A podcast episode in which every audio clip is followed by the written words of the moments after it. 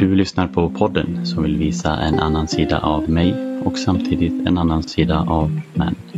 Och mitt namn är Viktor Svensson. Hallå hallå och välkomna till ett nytt avsnitt av Another Side of Me. Idag ska vi prata om hur tystnad kan vara någonting läkande och utmanande, konstigt nog. Och varför det kanske har blivit så för mig. Först vill jag berätta en liten historia som vi kan kalla en vanlig dag. Jag vaknar till att min mobil väcker mig. Det första jag gör är att kolla om någonting har hänt. Jag lagar frukost och sen sätter mig och kollar på TV innan jag åker till jobbet eller vad jag än ska göra.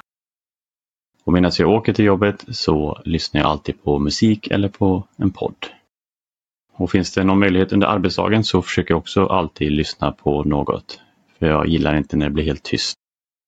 Och efter jobbet så har jag alltid något i öronen, en poddmusik, vad det än kan vara, för att slippa den här tystnaden. För att jag har blivit bekväm med att alltid ha någonting att lyssna på och fokusera på. Och sen kommer jag hem, lagar någon kvällsmat och sen sätter jag på tvn och kollar på det. Så själva poängen jag försöker säga med en vanlig dag historien är att det finns aldrig riktigt en tyst stund när jag är helt själv med mina tankar och känslor. När hade jag en tyst stund sist? Och varför är jag så obekväm med att det är just tyst? Den frågan ställde jag mig för många år sedan. Och jag minns varför jag ställde den var för att jag var på väg till ICA. Och jag hade ungefär 4 till 5 minuter till ICA. Jag hade sprungit ner i trapphuset och gått ut och inser att jag glömt mina hörlurar. Men jag tänker jag har lite bråttom så jag går till ICA ändå. Och jag minns att jag blev så obekväm av att höra alla ljud av verkligheten och gå runt på ICA och höra alla prata och sånt. Och Det var så obekvämt och så ovant. Så jag köpte det jag skulle, skynda mig hem och så stängde dörren och tänkte vad hände där egentligen? Jag fick verkligen en sån epiphany. Att så här borde det nog inte kännas genom att bara vara i verkligheten.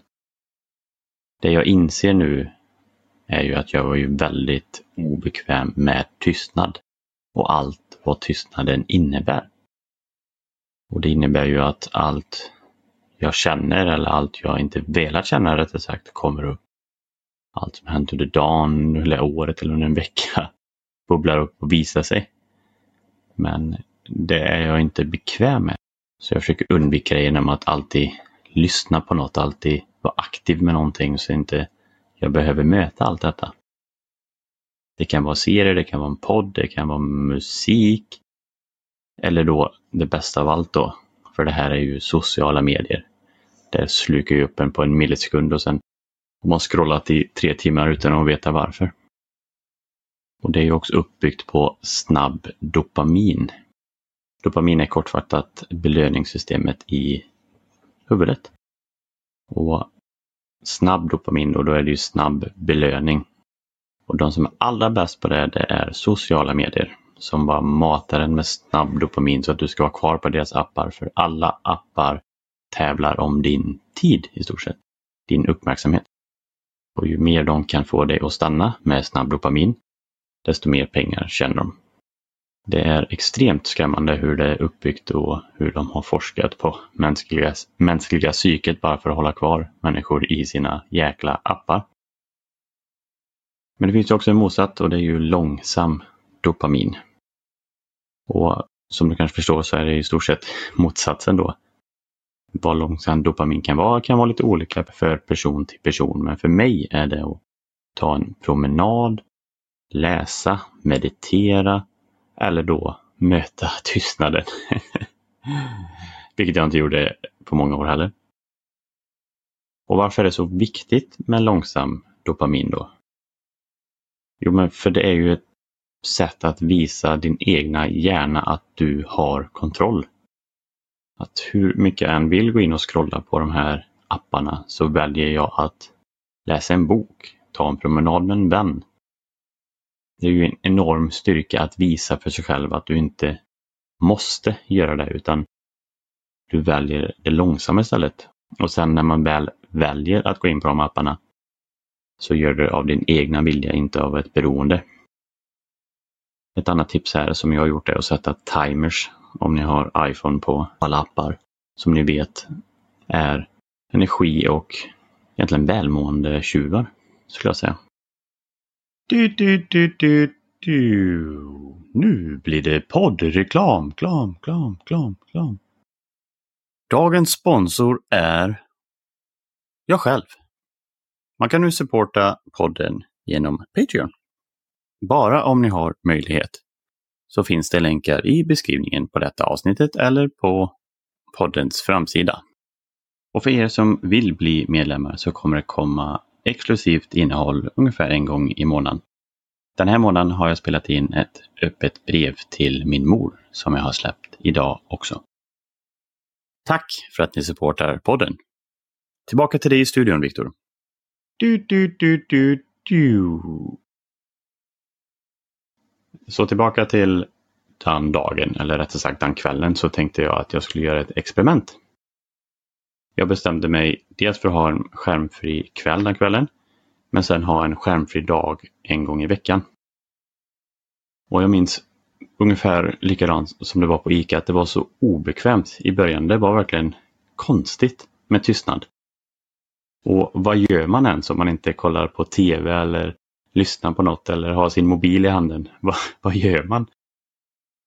Jo, jag städade, jag tränade, jag tog promenad, jag umgicks med vänner om de hade tid eller om jag, de hade fått mitt brev för jag kunde inte ringa dem. Nej, skämt åsido så kan man fortfarande kontakta folk för att möta upp dem men jag försökte ta det så extremt som möjligt för att verkligen utmana mig själv.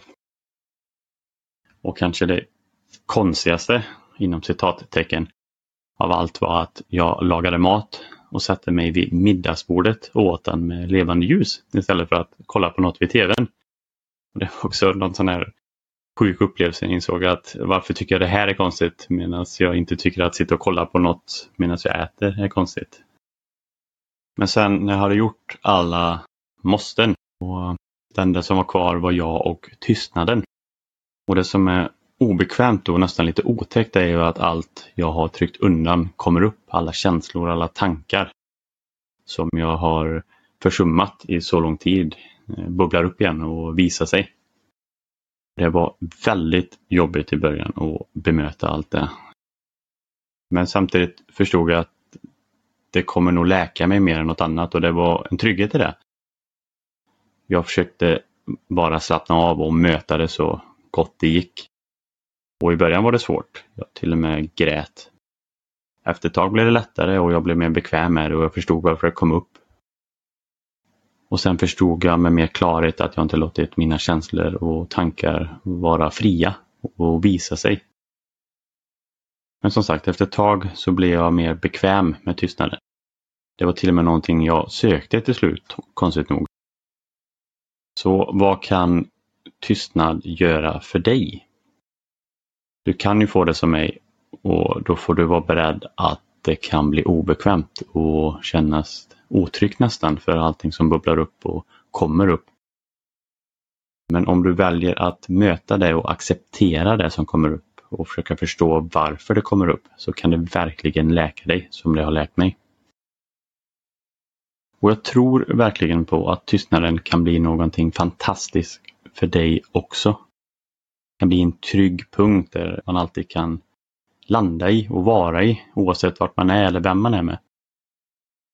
Och en annan fördel är att jag släpper faktiskt lös min kreativitet mer och känner mig mer avslappnad och trygg i alla miljöer.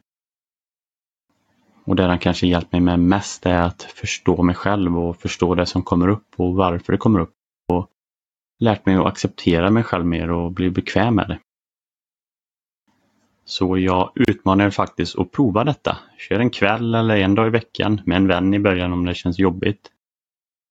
Och skriv ner tips ni kanske gjorde och saker som kom upp och kommentera gärna om det är något annat.